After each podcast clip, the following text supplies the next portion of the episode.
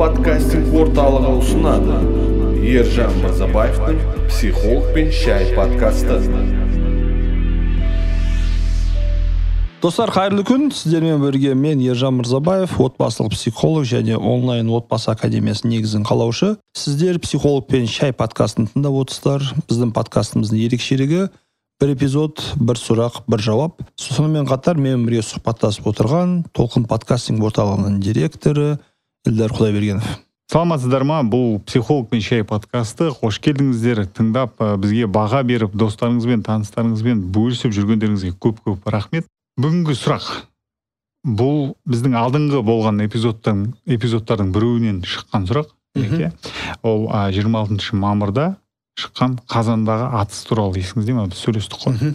Сол жерде көтерілген баланы әкесіз қалай өсіру керек? Деген жалғыз басты аналардың жағдайына байланысты сұрақ. Сол кезде біз айтқанбыз осындай сұрақ бар екен соны да талқылап өтейік деп. Соған оралып отырмыз. Не дейсіз? Бұл сұрақ біз үшін біздің қоғам үшін актуальный сұрақ. Өйткені бізде қазақстан ажырасудан дүние жүзінде жетінші орында. Біздің ажырасу статистикамыз өкінішке орай қырық процентке дейін жетеді. Соған қараған кезде жалғыз басты аналар өте көп. Өкінішке орай ажырасқан кезде көп жағдайларда бала мамасымен қалады анасымен қалады. Ә, анасымен қалғандықтан ана күйеусіз әкесіз жалғыз баланы тәрбиелейді. Бұл жерде әрине баланың толыққанды тәрбие алу үшін толыққанды жеке тұлға ретінде жетілу үшін оған екі аяқ сияқты ана мен әке керек. Мен сізге айтайын ә, әкесіз қалудың неше түрлі жағдай болады ғой?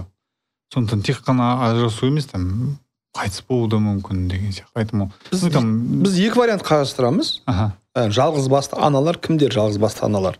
Біріншіден қандай да бір себептерге байланысты физически күйеудің әкенің жоқ аналар. Иә. Қайтыс болды ажырасты кетіп қалды жоғалды там тастап кетті любой ситуацияда бірақ физически жоқ. Баланың өмірінде ешқандай ат салыспайтын әкелер сондай жағдайдағы аналар жалғыз басты.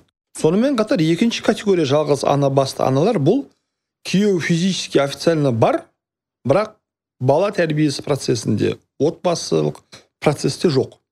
Азаннан кешке дейін жұмыста кештен азанға дейін көшеде.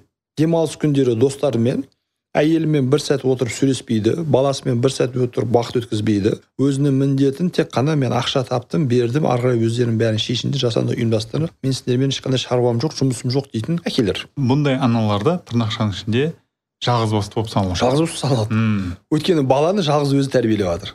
Мен мен тек қана жаңағы физикалық тұрғыда жоқ жоқ. жағдайларды иә. Бала екі жағдайда да екі жағдайдың ортақ нәрсесі бұл екі екі типтегі екі топтағы әйел де баланы жалғыз тәрбиелеп жатыр бір өзі тәрбиелеп жатыр бір өзі өсіріп жатыр өзі балабақшаға апарады өзі мектепке апарады өзі кружокқа апарады өзі баламен әңгімелеседі өзі бала жылаған кезде жұбатады өзі бала там дворда біреумен төбелесіп қалса разборкаларға барады ата ана жиналысына барады іс шараларына қатысады магазинге апарады жуындырады киіндіреді тамақтандырады. Барлығын жалғыз істеп жатыр жалғыз басты ана мхм жалғыз басты. Бірінші ситуацияда әйелдің таңдауы жоқ күйеуі тастап кеткен физически болмаған болмағандықтан как то бір окей ладно енді амал жоқ. Бірақ екінші жағдайларда бұл кешірілмейтін әкелер. Бұлардың балалары физически жоқ әкелердің балаларына қараған кезде көбірек психологиялық травма көреді. Өйткені бар нәрсені жоқ ретінде қабылдау намного труднее чем жоқ нәрсені жоқ ретінде қабылдау. Мхм. Бұл маған ұқсайды ғой мысалға бір инвалид кісіні алатын болсақ мен ешқандай мүмкіндігі шектеулі кісілерді ешкімді ренжіткім келмейді. Бірақ мысал ретінде келтіретін болсақ мысалы сіз туылғаннан бастап қолыңыз жоқ болса қолым жоқ дейсіз соған үйренесіз соған адаптироваться етесіз қолым жоқпен қалай өмір сүру керектігін үйреніп кете аласыз. И белгілі уақыттан кейін уже қолдың жоқтығы сізге қатты травмировать етпейді. А бірақ сіздің қолыңыз бар но сіз оны қолданбайсыз. Қолдана алмайсыз сізді тыңдамайды. Мына стаканды ұста дейсіз ұстамайды. Мынаны әпер дейсіз әпермейді. Киімді ки дейсіз кимейді. Бар бірақ ешқандай функционировать етпейді өйткені сіз қолданбағансыз ол, ол, ол, ол намного сізге труднее. Тура сол сияқты. Әкең жоқ.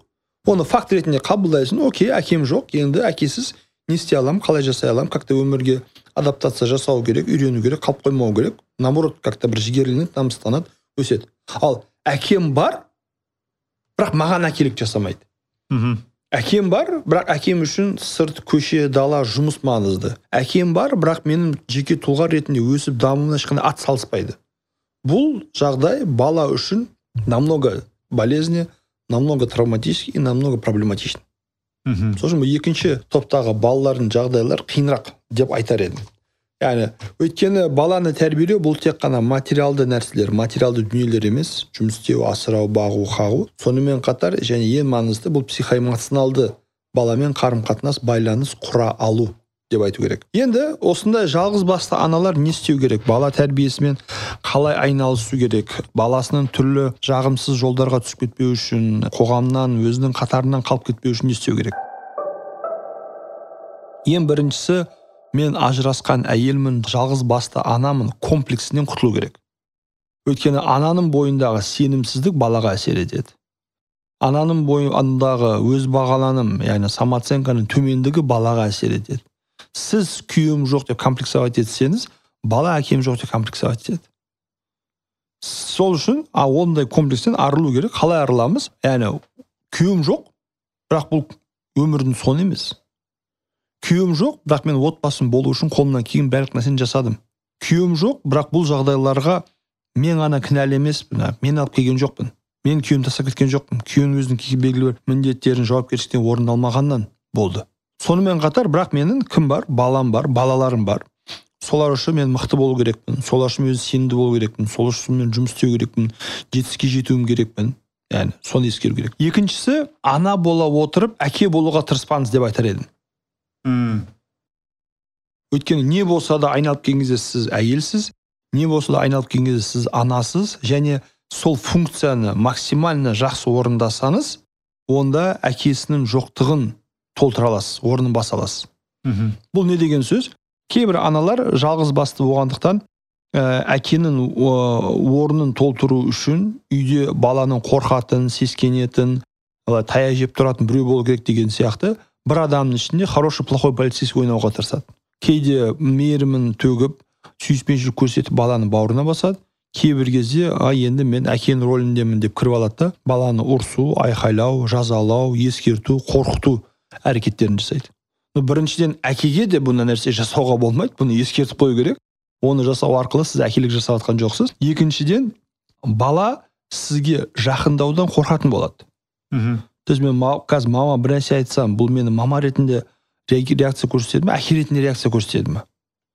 Сізден ұзақтап кетеді сол үшін сіз максимально өзіңіздің табиғи болмысыңызға сай ана болыңыз балаңызға сүйіспеншілік көрсетіңіз қолдау көрсетіңіз мейірім төгіңіз.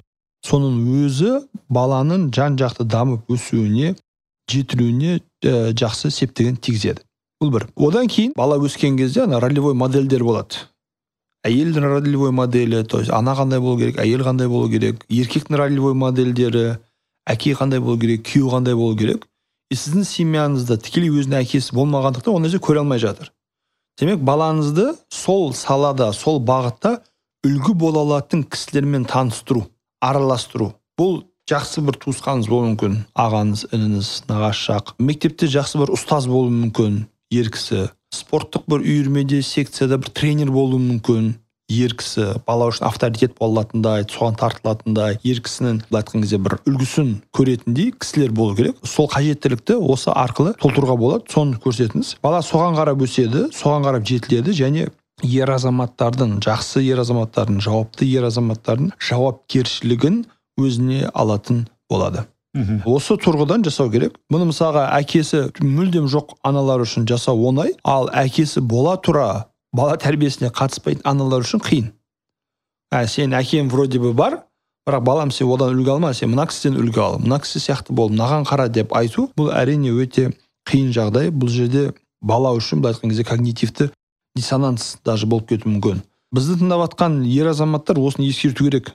Яғни мен қай категориядамын не істеп жатырмын қаншалықты бала тәрбиесіне атсалысып жатырмын деп қарау керек. Және келесі кеңес бұл жалғызбасты аналардың бала тәрбиелеу бар жұмыс істеу бар ақша табу бар өзін жалғызбын деп ойлайды. Негізі жалғыз емес. Сіздің әке шешеңіз бар туысқандарыңыз бар жақындарыңыз бар. Олардың көмегіне жүгініңіз. Олардың көмегіне жүгініңіз олардан көмек сұраңыз оларға кейбір жұмыстарды тапсырмаларды делегировать етіңіз. Олардан ұялмаңыз қысылмаңыз. Бізде қоғамда кейбір әйелдерде сондай комплекс бар. Мен ажырастым ба мен тәуелсіз болуым керек мықты болуым керек күшті болуым керек бәрін қатыруым керек және бәріне көрсетуім керек. Міне ажырастым. Менде бәрі дұрыс деген менде бәрі дұрыс. Көшеде қалып кеткен жоқпын өстім өндім. Ешкімнің маған көмегі керегі жоқ. Соны дәлелдеймін дейді да өте үлкен былай айтқан кезде жанқиярлықтарға жертваларға барады. И көп жағдайларда оның несі нәтижесі ауыр болады. Поэтому көмекке шақырыңыз. Бір күн әпкеңіз бір күн ағаңыз бір күн атаңыз әкеңіз бір күн әжеңіз деген сияқты. Нянька жалдау сияқты. Соны солардың көмегін алу керек. И бұлардың көмегін аламын деп баланы өзіңізден ұзақтатпаңыз. Бұл жерде тоже баланс өте маңызды. Кейбір кезде жалғыз басты ана вот мен үлкен қалаға барам жұмысқа тұрам ақша істеймін үй алам машина алам дейді да сөйтіп баланы там ата әжесіне тастап кетеді. Туысқандарына тастап кетеді ауылда тастап кетеді сөйтіп жарты жылда бір көреді жылына бір көреді тек қана жазғы каникулдарда көреді. Бұл бала бұл, осы әрекетіңізбен балаға жасап жатқан қиянатты ешқандай ақша ешқандай жұмыс ешқандай үй ешқандай мәшинет орын толтырмайды өйткені ең бірінші балада әлі ондай бір қаржылық сауаттылық жоқ материалдық түсінік жоқ материалдық қажеттіліктері шектеулі. Көп нәрсені талап етпейді. Сол кезде ең көп қажет ететін нәрсе бұл анасы әкесі жоқ еш болмағанда анасының сүйіспеншілігін алу. Әкесі жоқ еш болмаса анасымен бірге болуды қолға алу керек. Сол тұрғыдан балаңызды бір жерге апарып тастау тастап кету біреуге қарауға беру андасында барып тұрамын көріп тұрамын деген дұрыс емес. Қайда барсаңыз да балаңызды өзіңізбен бірге алып кетіңіз. Жұмыс істеу керек болатыныңыз болса баланы қарайтын адамды шақыртыңыз. Туысқандарыңызды немесе жалдаңыз ә, қатар алып жүру қиын болуы мүмкін. Немесе жақсы жақсы мысалы таңертең кешке дейін балабақшалар бар таңертең кешке дейін жақсы жақсы мектептер бар. Сондай жерлерге беріңіз. Бірақ бала күнделікті анасын көру керек. Апта сайын анасымен қыдырып демалып тұру керек. Өзінің ішкі мұңын проблемасын қайғыларын қиыншылықтарын күнделікті әр қажет болған сайын дерттесе алатын бөлісе алатын анасы бар екенін сездіру керек. Егер сіз материалдық жағдайыңызды бірінші орынға қоятын болсаңыз онда әкесі жоқ баланың анасы да жоқ болады әкесінің қолдауын көрмеген бала анасының сүйіспеншілігін көрмей өседі. Және бұл балдар көп жағдайларда біріншіден тас жүрек болады екіншіден агрессивный болады үшіншіден жалпы адамдарға сену адамдарға байлану тұрғысынан түрлі проблемалар болады. Яғни осы мәселелерді ескеру керек деп ойлаймын. Менің жалпы ортамда бұндай жағдайлар өте өте аз. Мхм. И болса да даже мен оны деген уже мәселесі. Шешіліп кеткен соң барып байқап е мынандай екен ғой деп шу өскен кішкентай кезде байқамаған ғой былай сол поэтому білмедім мен қандай комментарий айтуға болады қалай мынаны қосуға болады. мен қазір ой келіп отыр. Біздің алған жалғыз басты аналар мүмкін болғанша барлық ресми рычагтарды қолдана отырып баланың әкесін жауапкершілікке тартыңыз. Алдында бір жағдай болды. Бір мигрант жігіт енді трудовой мигрант қой. Жұмысқа келген қазақстанға бір кісіні кездестірген әйел адамды екеуі қосылған балалы болған бірақ уақыт өте келе түсінген что бірге бола алмайды деп. Иә ажырасамыз деп шешкен ғой енді бірге тұрмаймыз деп. Мхм. Содан енді ортада бала қалды екеуі де қазақстанда. Содан кейін документтерін түзеу үшін консультацияға барады. Сол жерде мынандай сұрақ көтеріледі. Әйел адамға сұрақ қояды. Сіз неге документтерді жасап мына адамнан алимент талап етпейсіз деп. Әйел адам айтады маған дейді алимент керек емес дейді. Сол жерде консультанттың жауабы маған ұнады ол бүйтеді алимент ол сіздің ақша емес алимент ол ана баланың ақшасы иә иә иә. Сондықтан сіздің айтып жатқаныңыз өте дұрыс нәрсе. Иә иә. Алимент ол балаға тиесілі қаражат. Егер сіз қазір қажет етпесеңіз оны жинап қойыңыз. Оқуына салыңыз киімін алып беріңіз демалдырыңыз тағы қосымша бір заттар жасаңыз. Иә бұл жерде вот осындай бір кішкене қате түсінік бар екен? Иә. Алимент ол әйел адамға деген сияқты. Жоқ әйел алимент бұл егер мүмкіндігі болса оны алу керек оның ешқандай намыстанатыны жоқ және ол балаға тиесілі нәрсе. Өте дұрыс эльдар. Яғни мен де соны айтқым келіп жатқан кесін мүмкін болғанша жауапкершілікке тартыңыз. Ресми жолдармен оның жұмысына хат жазып сотқа шағымданып алимент тұрғысынан болсын баланы аптасына бір рет екі рет келіп көріп кету көріп жүру мәселесі бойынша баланың білем ата жиналыс ата ана жиналыстарына түрлі іс шараларға қатысу жағынан болсын. Біріншіден өзі құлшынып тұрса шектеу қоймаңыз. Екіншіден қашып жүрсе жауапкершілікке тартыңыз. Яғни баланы мен әшейін былай істеп дүниеге әкеліп тастап кеттім деген бір жауапсыздық жайылып кетпес үшін әрдайым е мен кезінде балам бар еді балам бар ғой деген сияқты ай сайын еске түсіріп тұратын хотя бы алимент форматында бір рычагтарды қолдану керек. Бұл дұрыс айтасыз? Алимент бұл әйелге берілетін ақша емес баланың ақысы. Сол үшін баланың орнына сіз керек емес деп айта алмайсыз. Мхм. Екіншіден алимент бұл қайыр сұрау емес бір садақа сұрау емес. Сол жалынып жүремін ба артынан жүру жоқ. Сіз тек қана арыз жазасыз. Ары қарай мемлекет өзінің мемлекеттік күшімен бүкіл рычагтарымен күйеуіңіздің артынан жүгіріп жүріп талап етеді. Мысалы сот шешімі шықса болды часто судебный исполнительдер бүкіл счеттарын бұғаттап тастайды. Одан кейін күйеуіңіз өзі ақ жүгіріп келеді ал міне төлеймін иә міне бармын қашқан жоқпын деген сияқты. 18 жасқа дейін ай сайын түсетін сумманы есептейтін болсаңыз 18 жастағы бала мектеп бітірген кезде университеттің ақшасы шығады. Шетелдік. Шетелдік университет ақшасы шығады. Көліктің ақшасы шығады. Үйдің жарты үйдің ақшасы шығады. түгелімен шығуы мүмкін. Жер. Деген сияқты сол жағынан. Ә, бұл бір. Екіншісі ертең сіз енді бүгін бармыз ертең жоқпыз. Алла тағала бәріне ұзақ ғұмыр берсін. Бала мен әке арасында ладно әкесі сізге ренжіді сізге өкпеледі. Бірақ баласының бір кінәсі жоқ қой. Ай сайын менің әкем алимент төлеп тұратын еді. Ай сайын материалдық тұрғыдан болса да менің жағдайымды жасауға тырысатын еді көмектесетін еді деген оймен түсінікпен ертең болашақта әке мен бала қарым қатынасы жандану мүмкін жақсару мүмкін түзелу мүмкін ертең бір бірін іздеуі мүмкін. Ондай нәрселерге ондай дүниелерге де кедергі болмау керек деп ойлаймын. Және сіз әйел ретінде намыстанып маған алимент керек жоқ деп айтып жіберуіңіз мүмкін. Бірақ бала мына түсінікте болу керек та. Окей әкем мен мамам бірге тұра алмады түсінісе алмады ажырасты. Бірақ неужели әкем мені вообще іздемеді? Неужели бала ретінде әкем мені жақсы көрмеді? Неужели бала ретінде әкем маған ешқандай көмектескісі келмеді? Сіз алиментті бұғаттап тастау арқылы балада сондай түсінік сондай ой сондай сезім сондай комплекс оятып жатсыз сол а егер алимент болатын болса окей түсінсем бірақ әкем әрдайым алимент төлеп тұрды. Кездесіп тұрдық көрісіп тұрдық. Бүгін болмаса ертең міндетті түрде бала мен әке қарым қатынасының да жандануы мүмкін екенін ескеру керек. Сол үшін осы нәрселерді ескеру керек. Бізді бұл эпизодты тыңдап жатқан ажырасу оңай ма деген кезде бұл ә, то есть жалғыз басты аналар деген кезде бұл мәселені ең біріншіден ер кісілер де тыңдау керек деп ойлаймын. Өйткені әйелдің қаншалықты қиналатынын көрсін. Сонымен қатар әйел жалғыз басына әкенің орнын ешбір жама ешбір уақытта баса алмайтынын білсін. Қандай да себептерге байланысты егер әйеліңізбен ажырасып кеткен болсаңыз дұрыс ерлі зайып бола алмаған жұптар әлі де дұрыс ата ана бола алатынын ұмытпау керек. Ұзақтан балаңызды көріңіз кездесіңіз жолығыңыз сөйлесіңіз жағдайын біліңіз. Алимент өз бетімен одан қосымша қолыңыздан келсе мүмкіндік болса көмектесіп отырыңыз. Өйткені бала екеуіңіздің ортақ балаңыз және балаға әрқайсыңыздың жеке жеке жауапкершілігіңіз бар.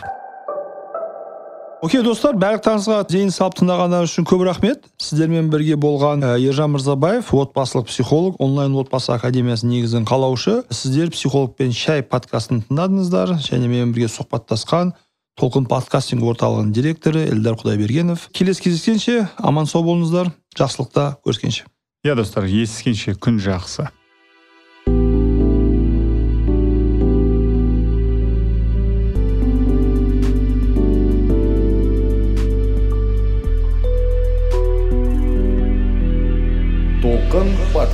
Толқын подкастинг орталығы